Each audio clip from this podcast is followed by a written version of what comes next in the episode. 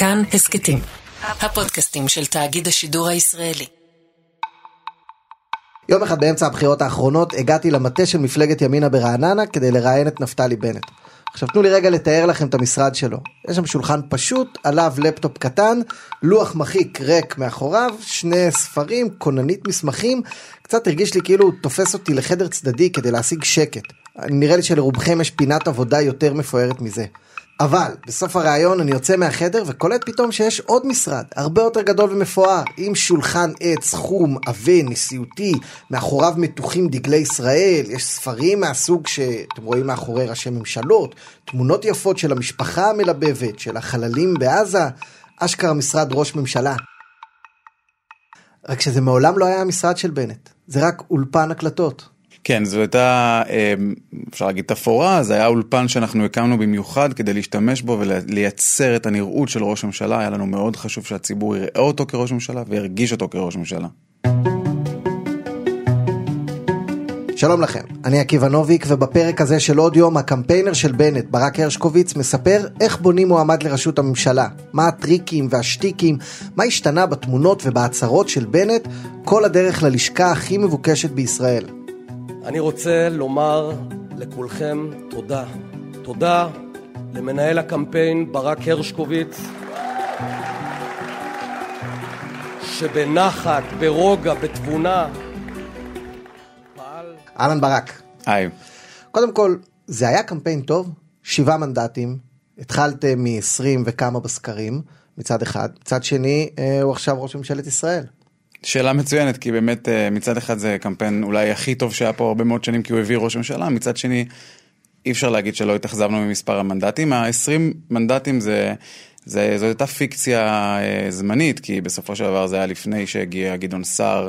אה, עם מפלגה חדשה. אבל ו... הוא אמר עשרה מנדטים זה לא מספיק, אני צריך 15, נכון, הוא, נכון. הוא, בוא נגיד הייתה אכזבה. נכון, הייתה אכזבה, הייתה אכזבה, רצינו להגיע, רצינו להישאר על דו ספרתי, גם בסקרים האחרונים לפני, ה, לפני הבחירות אה, שפורסמו, היינו על מספר דו ספרתי, אבל מצד שני, הייתה פה משימה אסטרטגית מאוד חשובה לקמפיין הזה, וזה גם לאפשר לנפתלי בנט להיראות כראש ממשלה, ושהציבור ירגיש אותו כראש ממשלה, וזה יסלול לדרכו לשם, וגם אה, באמת לא להיכנע ללחצים ולהישאר אה, לא מזוהים עם מחנה רק ביבי או רק לא ביבי, עמדה שבאמת אפשרה לו בהמשך אה, להוציא את, ה... להוציא את ישראל מהכאוס הפוליטי וגם להגיע לראשות הממשלה. אז איך עושים את זה? איך אתה גורם לאנשים לשמוע את המילים נפתלי בנט ראש הממשלה ולהגיד וואלה תופס? מבחינת מיצוב ותדמית זה היה לא מאוד קשה כי כל הטריקים וכל הידע המקצועי נמצא בספרים בסופו של דבר. הסתכלתם על נתניהו, על מנהיגים בעולם? מי המודל? גם, גם בין השאר על אה, מנהיגים בעולם, אבל מי? אה, אני באופן אישי אה, קראתי הרבה מאוד על מנהיגים, על כל מיני מנהיגים, וגם על מנהיגים בארץ. אני חושב שלי היה ניסיון אישי, היכרות אישית עם ניר ברקת, שאומנם זה לא באותה ליגה, זה ראש עיריית ירושלים, אבל גם עשה איזשהו דרך מסתם הייטקיסט למנהיג פוליטי. ו... אבל איך אתה הופך מישהו, קח אותי למשל, אני נראה די נעבך, מגיש הסכת, תבנה אותי כראש ממשלה. זה, זו דרך, צריך להגיד גם שכשאני נכנסתי לקמפיין הזה כבר היה אחרי שנת הקורונה שגם בנט היה שר אה, ביטחון, גם היה הרבה בשטח, אז זה כבר, כבר היה עם מה לעבוד, היה פה חומר טוב לעבוד איתו, זה לא היה מאפס. אבל אה, כן היינו צריכים להילחם בהרבה מאוד אה, אינסטינקטים של קמפיינים פוליטיים, בכלל ובפרט עם בנט ועם איילת שקד, כי תמיד היו להם קמפיינים מאוד מגניבים, מאוד מצחיקים, מאוד יוצאי דופן, וב... בלוז של קמפיין אתה צריך לתת כל הזמן בראש עם דברים שהם אה, מאוד אה, יוצא דופן וזכירים. הם, הם די אה, מזוהים עם יכולות משחק וגימיקים וקמפיינים. נכון. שלום בג"ץ, שלום צה"ל, עדיף לנו לשמור מרחק. פשיזם. לי זה מריח כמו דמוקרטיה. הבנת איפה הייתה הטעות שלך? יופי. עכשיו אופי.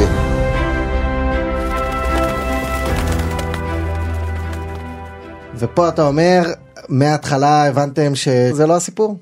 נכון, אז היה פה בעצם שני מישורים. המישור הראשון היה מישור טכני, באמת לא ללכת למקומות המצחיקים והמגניבים והיונה והפשיזם, אלא דברים שהם מאוד אה, רציניים, נראים מאוד אה, נשיאותיים, ראש ממשלה.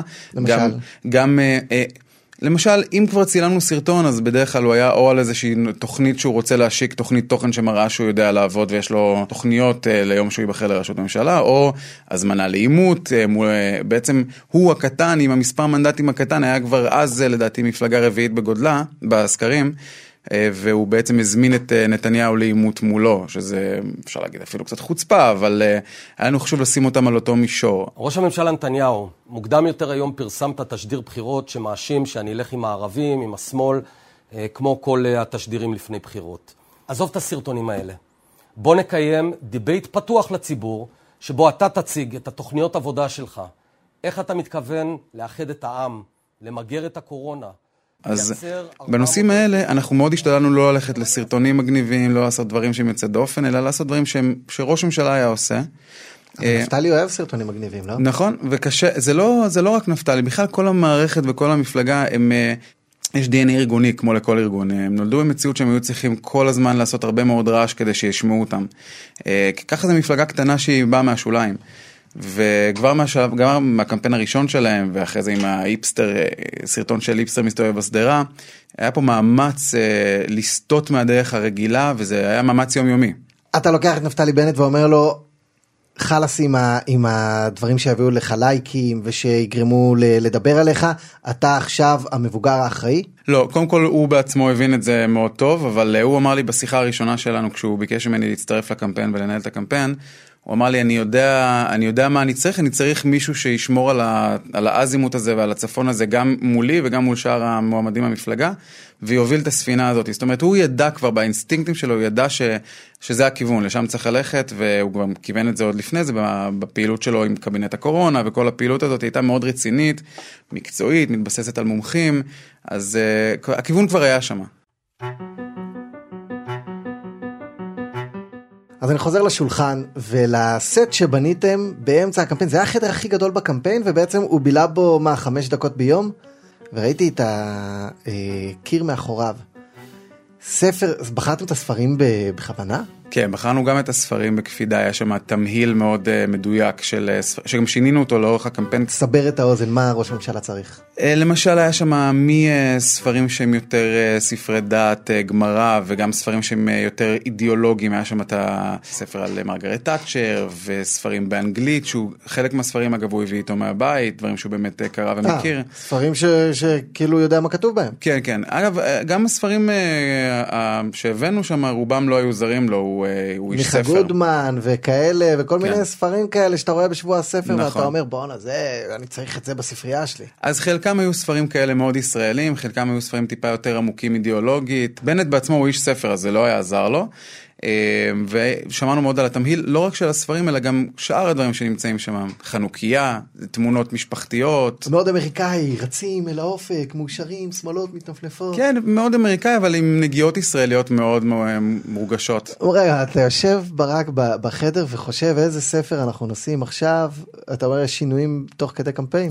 היו שינויים, היה למשל אה, כשהשקנו תוכנית סינגפור, אה, עשינו בהתחלה, צילמנו סרטון שאגב נגנז, כי הוא לא היה מספיק טוב פשוט, וצילמנו בספרייה הזאת סרטון שהוא מציג את תוכנית סינגפור, ושם רצינו שהביוגרפיה של תאצ'ר תהיה על, ה, על השולחן, לצערנו אה, אה, סטלה ויינשטיין שנכנסת, אה, תיכנס בקרוב לכנסת מקום כנראה. 12 ברשימה כן. כן, 12, ובעקבות ההתפטרויות שהיו ברשימה היא אה, עכשיו אה, כנראה תיכנס, פשוט התעניינה בספר, אז היא לקחה אותו הביתה לקרוא אה, בלילה, ולא היה לנו את הספר בשעת הצילומים, אז היינו צריכים אה, למצוא דברים אחרים מעניינים באותו רגע. וגם איך שהוא מצטלם בבחירות האלה הוא הצטלם באיזה מין פוזה כזאת זה מתוכנן. אה, לא יודע אם פוזה מתוכנן, אבל בוודאי מתוכנן הפריים, אנחנו מאוד הקפדנו על העמידה, על אה, צורת הדיבור, היו גם מקרים... מה- מה- מה זה העמידה רגע אני נעמד פה באולפן תסביר לי איך עומד ראש ממשלה. ראש ממשלה צריך לעמוד בטוח, צריך לעמוד אה, זקוף, צריך לעמוד אה, יציב. יותר מאיך הוא עומד, צריך לראות מה הסביבה שלו. היינו, הגענו לשטח לא מעט פעמים וצילמנו שם דברים וראינו שהם לא נראים מספיק טוב, הם לא נראים מספיק כראש ממשלה ואנחנו שינינו את ה framing שלנו ושינינו את הצורה שאנחנו מתנהלים בה. מה זה אומר שהוא ראשון ומאחוריו פמליה דולקת בעקבותיו? למשל, או שאם אנחנו מצטלמים בשטח, אז uh, לא מצטלמים בסביבה שנראית עלובה מדי, אלא אם כן יש לזה משמעות, אנחנו באים למקום שאנחנו רוצים לשפר אותו, אבל יש, יש משמעות לנגיעות, איך זה נראה. חברים, תודה רבה. מאוד מעריך את מה שאתם עושים. חייבת להגיד לך. יש דברים שאתה מרגיש, אתה פשוט רואה שהם לראש ממשלה. הוא מחזיק מפה ומביט אל עבר הנגב? מחזיק מפה, היה לנו גם מקרים כאלה, למשל שלא יהיו, אה, היה לנו באחד הפריימים היה, הייתה כוס חד פעמית מקלקר שהיה עליה כתמים של קפה וזה נראה מאוד מאוד זול ואנחנו הקפדנו שלא יהיו דברים כאלה בהמשך, היה, הייתה פה עבודה.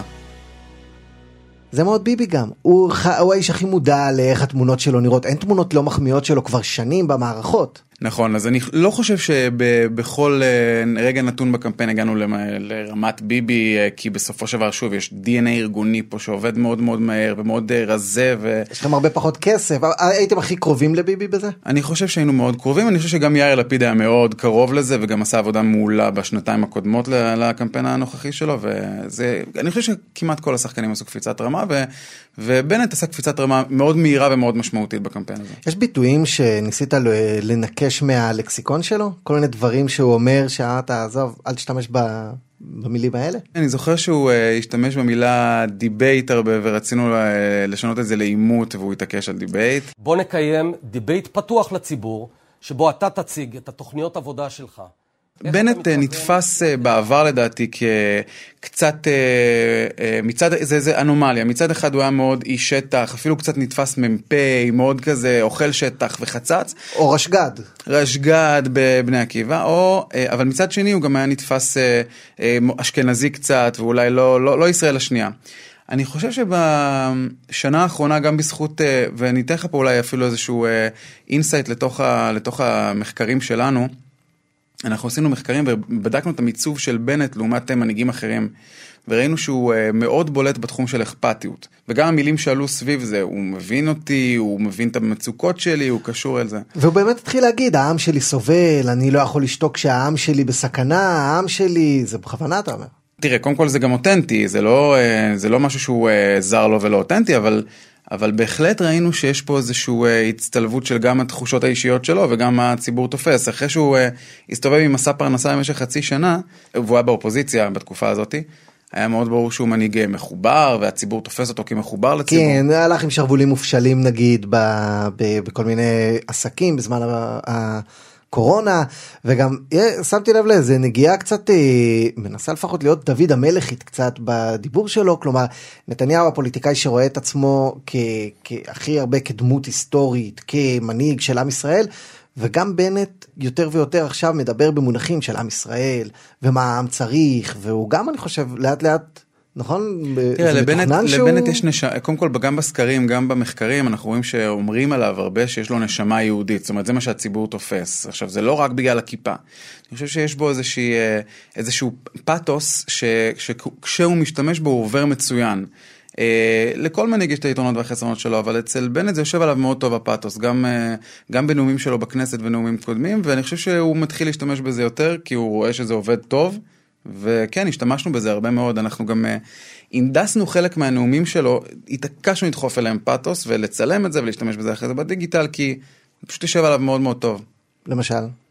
למשל, אה, היה לו נאום באילת עם אה, קהל ש... של הציונות הדתית, והבאנו ממש אנשי מקצוע שישבו על הנאום הזה כדי להביא את הסיפורים האישיים של נפתלי בנט, אבל להגיש אותם בצורה שהיא אה, מלאת פאתוס, שההתנתקות הביאה אותו, הובילה אותו במידה מסוימת לחיים הציבוריים, ואיך הוא תפס את, ה... את הפער בין... בינו ובין הקהל שלו לבין הניתוק של הציבור הישראלי. אבל אני מכיר סיפור אחר שהוא הגיע לחיים הציבוריים בגלל לבנון השנייה נכון, זה הסיפור המכונן שלו, והוא גם מספר אותו בכל מקום, אבל... ה- אבל... ופתאום אה, הבאתם את ההתנתקות. ההתנתקות, תראה, אני חושב שהיא חוויה מכוננת לכל, אה, לכל מי שבימין האידיאולוגי. אני זוכר גם נאום שהוא נתן בכנסת שהסתכלתי בזמן אמת ואמרתי הוא נואם לתשדיר הוא בכלל לא נואם למליאה לא אכפת לו ואחר כך באמת שמתם מוזיקה לא כזאת פומפוזית. אנחנו נבקר, אבל לא נהרוס. נתקן ולא נשבור. נציג פתרונות ולא רק נזעק על עוולות. אתה מחייך. אני מחייך כי הנאום אה, נכתב, אה, הוא ממש פרץ, אה, נכתב מאוד בקלות, אבל, אבל כן הקפדנו גם בנאום הזה בכנסת לבוא ולחשוב איך אנחנו אחרי זה נוכל להשתמש בדברים האלה, אז כבר שמה סידרנו אותו בצורה שיהיה קל אה, לארוז אותו, אבל הוא הלוחם בחזית, אנחנו תומכי לחימה מאחורה שחושבים איך אה, למנף את זה. עד כמה הייתם מודעים לאיך שהציגו אותו בארץ נהדרת? מאוד. אה, הדימוי שלו בארץ נהדרת עובר כבר, הוא הרבה מאוד שנים אה, מלווה אותו. אה, הם הורגים ומעכב אותו, הם עושים לו נזק משוגע. אני חושב שזה נכון, אני חושב ש... אה, קודם כל ארץ נהדרת, אה, ההשפעה שלה על הציבוריות הישראלית היא מטורפת. אנחנו, אני גם, אה, היה לנו סרטון אחד שכל הבריף של הסרטון היה להגיע בסוף לארץ נהדרת ושיציגו אותו בארץ נהדרת. אז שמה? אנחנו הבנו שאנשים לא, לא זוכרים את האותיות של המפלגות השונות, גם יש הרבה מפלגות חדשות, לא זוכרים, לא מזהים את ב' עם נפתלי בנט, וניסינו למצוא איזושהי דרך, למרות שאנחנו לא רצינו סרטונים מצחיקים ולא רצינו את כל הדברים המגניבים האלה, רצינו אה, כן דרך להגיע לארץ נהדרת עם הב' ועם נפתלי בנט, ביחד להצמיד אותם.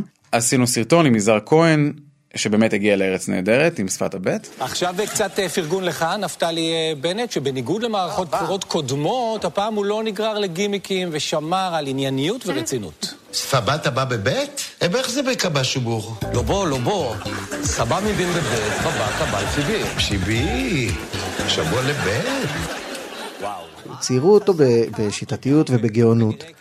כי אתה יודע, מין ילד דוס מתלהב, שחולם להיות ראש ממשלה, ולא ברור למה. קודם כל זה היה, היה במודעות שלנו, והיה לנו מאוד חשוב אה, להדגיש דווקא את הצדדים האחרים שלו, את הצדדים הביטחוניים, הרציניים, המנהיגותיים, היה לנו מאוד חשוב, וזה היה באמת, זה, זה ליווה אותנו הרבה מאוד, בבחירת פריימים בסרטונים, באינדוס של הנאומים, זה, זה היה מאוד חשוב, אין ספק.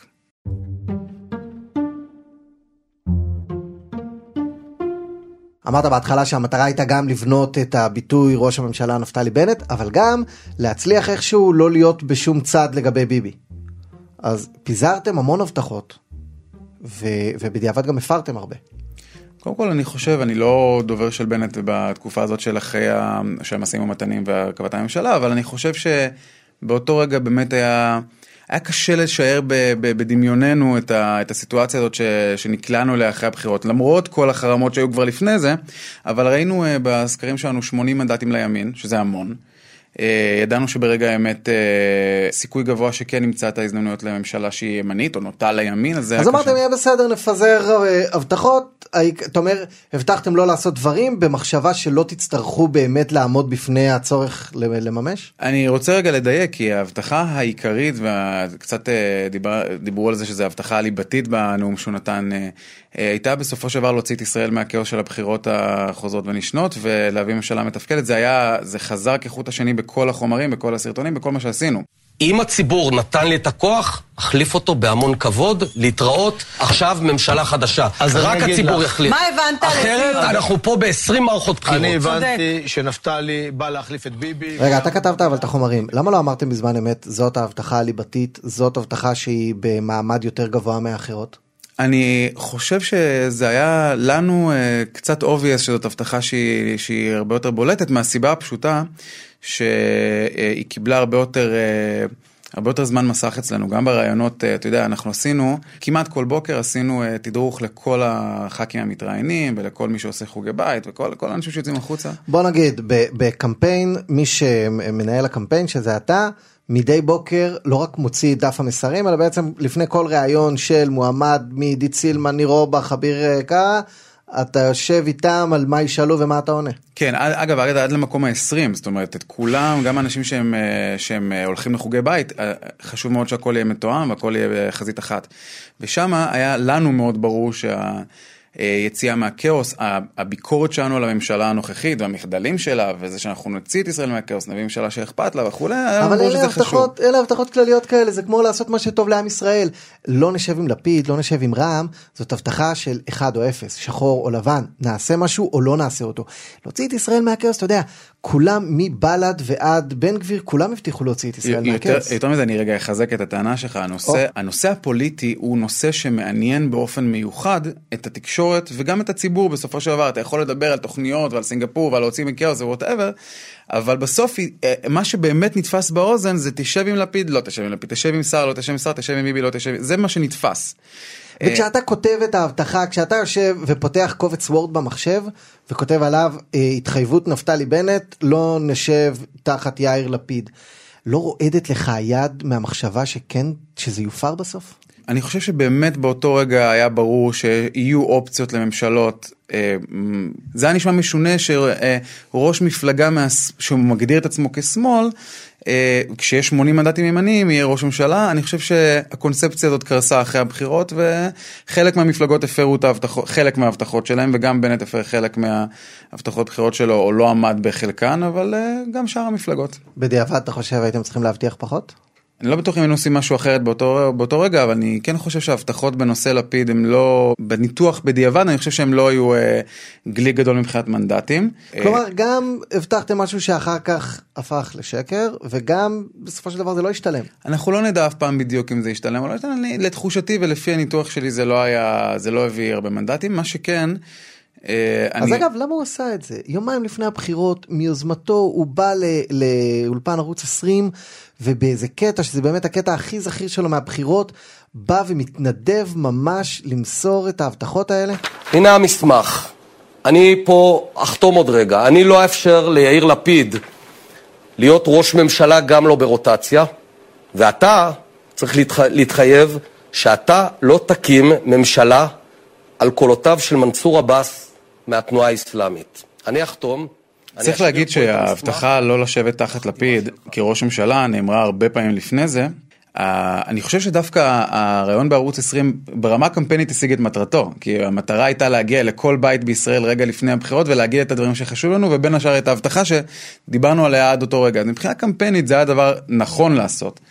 אה, השאלה האסטרטגית היותר רחבה, אם ההבטחה הייתה נכונה או לא נכונה, זה באמת שאלה שקשה להחליט לגביה בוודאות. וכל הציר שלך בבחירות הוא לא להגיד אני כן ביבי ולא להגיד אני לא ביבי, והצלחתם ועמדתם בזה, ויומיים לפני כל הקו הזה קורס. לא, גם ברעיון ההוא לא נאמר כן ביבי לא ביבי, אה, בוודאות. אבל לדעתי בדיעבד אני חושב שההיצמדות למסרים התוכניים שלנו על ממשלה שאכפת לה לצאת מהכאוס הגם שהם היו אמורפיים והגם שהם לא ממש ריצו את העיתונאים, אני חושב שזה היה אה, עדיף להמשיך ולדבוק בהם עוד יותר, אבל אה, זה, זה חוכמת בדיעבד. אבל בבחירות בישראל יש הרי שאלה אחת, כן ביבי לא ביבי אתה בא ומנסה להמציא איזה משהו חדש אני גם וגם או לא זה ולא זה כאילו למי זה פונה מי היעד. היה לנו פה אתגר מטורף בגלל שבאמת בסופו של דבר הציבור נחלק על השאלה הזאת בבחירות האלה וידענו בוודאות במחקרים שלנו ובסקרים שלנו ידענו בוודאות שאם אנחנו ניצמד לאחד הצדדים אנחנו נזנק המנדטים לא נצמח נזנק נו. זה, זה הוודאי. ופה אנחנו עשינו הקרבה במידה מסוימת מודעת, בגלל שאסטרטגית לטווח הארוך ידענו שישרת את uh, נפתלי בנט ואת ימינה לא להיצמד לאחד הגושים, לאפשר להם לשחק על כל המגרשים. כלומר עדיף מש... פחות מנדטים אבל מנדטים שהם... אה, שאפשר שהם להשתמש דואל, בהם, כן, שאפשר להמיר אותם אחרי זה, גם להוציא את ישראל uh, מה, מהכאוס כמו שהם הבטיחו. גם ללכת להיות... עם גוש ביבי וגם ללכת עם גוש לא ביבי. בדיוק, בדיוק. מה הרצפה אבל, כלומר באיזה מחיר, אם אתה יכול לתת אה, 15 מנדטים ביבי או 15 מנדטים לא ביבי, אתה תעדיף שבעה שהם אה, ניטרלים? תראה, בשורה התחתונה זה, זה מה שהעדפנו, כן? אנחנו ידענו שאנחנו נזנק אה, אם אנחנו נגיד אחד הצדדים, והעדפנו שלא. מה הרצפה? אין רצפה, כי פחות משנתיים לפני זה אה, ימינה לא עברה את אחוז החסימה. שזה די רצפה, כן, אפילו בור. כל עוד אנחנו נמצאים בדו ספרתי, אנחנו מרשים לעצמנו לשחק על כל המגרשים. היינו על אה, דו ספרתי עד ה... זאת אומרת, גם, ב... גם בסקרים האחרונים לפני הבחירות היינו עדיין על 10-11 ברוב הסקרים. שלושה ימים לפני. ואז, אגב, באותו רגע אומר בנט, 10 זה לא מספיק, אני לא אהיה ראש ממשלה עם 10. זה לא שטות? אני חושב שבשורה התחתונה אה, אתה נמצא בסד מסוים בימים האחרונים של הקמפיין, בשבועיים האחרונים ובמיוחד בשבוע האחרון, שאתה כל הזמן תחת מכבש להביא כמה שיותר אה, מצביעים על סמך כמה שיותר הבטחות. והרבה מפלגות נתנו את זה, הרבה מפלגות נתנו הרבה מאוד הבטחות שהם נאלצו להפר גם במשאים ומתנים וגם אחרי זה בהקמת הממשלה. אני לא חושב שזה מיוחד אה, אה, לימינה. אה, אבל אה, אני חושב שעל הקו האסטרטגי המרכזי של הקמפיין, ושוב באמת שהוא עלה מחירים כבדים במנדטים ו, אה, ובדברים אחרים גם בהמשך, אנחנו שמרנו ועל על לשחק על שני המגרשים ועל להישאר פתוח ולהיצמד להבטחת בחירות על היציאה מהכאוס. אני חושב שזה היה בדיעבד, זה היה החלטה נכונה למרות המחירים הכבדים. ואנחנו מדברים פה לגמרי בדיעבד, כי אם נניח אחד מהרשימה היה לא עומד בלחצים הכבדים עליו, אז היינו עכשיו באמצע בחירות חמישיות והיינו מדברים עכשיו על הקמפיין הלא מאוד מוצלח כנראה, או על הטעויות שבגללן הייתם שבעה ולא שמונה, אבל הנה, זה הצליח, הוא ראש ממשלה. ואנחנו מדברים פה על הקמפיין היחיד שניצח את נתניהו בסופו של דבר בדיעבד ב-12 שנים האחרונות. מה עכשיו? יש עכשיו uh, טענה כלפיו מימין שהוא שובר שמאלה, שהוא עושה אריק שרון, שהוא מתמרכז. גם הטקסטים של בנט פחות ימניים מטקסטים שהוא ניפק בעבר. אתה חושב שהוא צריך ללכת למרכז, לקונצנזוס, לכיוון uh, כחול לבני יותר מהבית היהודי? אם הייתי מייעץ לו, הייתי אומר לו שהוא חייב להרחיב את הקהל שלו, ויש לו הזדמנות להרחיב את הקהל שלו, כי מכס ראש הממשלה, שהוא כס טיפה מאפס, יש הזדמנויות לפנות להרבה קהלים חדשים ו, אה, ולצבור קהלים שבאופן טבעי לא היו מצביעים לפני זה. אי אפשר בתור מפלגת, אי אפשר, הוא לא יוכל להישאר מפלגת נישה ימנית לאורך זמן ולהמשיך אה, גם לקבל לגיטימציה כראש ממשלה וגם uh, לנהל את המדינה וגם כמובן לצמוח בעתיד.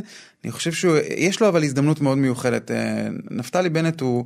הוא דתי שנשוי לחילונית, הוא רעננה, אבל היה מנכ"ל מועצת יש"ע, אני חושב שהוא יש לו איזו הזדמנות דווקא ב, ב, בנקודה שהוא נמצא בה, למצוא את החיבורים האלה בין הציונות הדתית המרכזית ובין הציבוריות הישראלית הרחבה ולעשות משהו שלא נעשה קודם, והוא צריך לעשות את זה. עדיף לו לוותר על שני מצביעים מימין בשביל שלושה מהמרכז?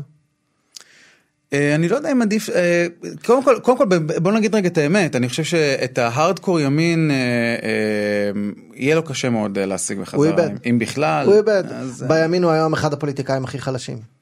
אז אני, שוב, בטח בימין האידיאולוגי הקשה. אני חושב ש... הימין, מה שנקרא, הימין הבנטי. הימין שהוא שנים מספר לנו שהוא הנציג שלו, ואני ממש ממש מבין את האנשים שאומרים, בנית את עצמך כפרזנטור שלנו, ועכשיו אתה פתאום הולך למרכז, עכשיו יושב פה ברק הרשקוביץ ואומר, אה, כדאי לבנט ללכת לחיבורים, למרכז, לכלל ישראליות, הלו, אתה בנט. אני חושב שיהיה לו משימה מעניינת פה, אני חושב שהוא הנדס לעצמו אה, משהו מאוד חכם בהסכמים הקואליציוניים. עצם זה שיש לו וטו, אה, ואני רואה את זה מהצד, עצם זה שיש לו וטו טוטאלי בממשלה, ויש רוב ימני בקבינט, וה... המשרדים האידיאולוגיים, המשפטיים ואחרים, הם, הם נמצאים בימין, זה יאפשר לו לעשות ריצ'ינג אאוט לקהל הזה מחדש. האם הוא יצליח? זאת שאלה טובה. בחירות הבאות הוא עובר את אחוז החסימה? זה מאוד תלוי באיך הוא יתנהל כראש ממשלה, הוא יכול, אני חושב שהמניה הזאת שנקראת בנט זה קצת, אה, זאת מניה מאוד תזזיתית, והיא אה, אה, אחד לא עבר אחוז חסימה, כמה חודשים אחרי זה היה שר ביטחון. 20 מנדטים בסקרים, 7 מנדטים, ראש ממשלה זה כל כך תזזיתי, אני חושב שעכשיו הוא יצטרך אה, לבנות את העתיד הפוליטי שלו בצורה טיפה יותר מתונה, אה, לצמוח בצורה הדרגתית, חכמה, אה, ואני חושב שיש לו הזדמנות לזנק, אני חושב שכן, אבל זה הרבה תלוי באיך הכהונה הזאת תראה. אני חושב שהוא אחד הפוליטיקאים כרגע בבעיה הפוליטית הכי גדולה. השארת לו ירושה של כאב ראש אדיר. מעניין לראות איך הוא יפתור אותו. ברק הרשקוביץ, תודה רבה. תודה. ותודה לכם שהאזנתם. תודה לדניאל אופיר, עורך אודיו, מאיה מרקסון, קרן בר הטכנאית. תגיבו, תנו רעיונות, מחשבות בדף של כאן הסכתים בפייסבוק, בדפים שלי בפייסבוק, אינסטגרם, טוויטר, עקיבא נוביק. מבטיח לקרוא הכל ולענות. נפגש בפרק הבא.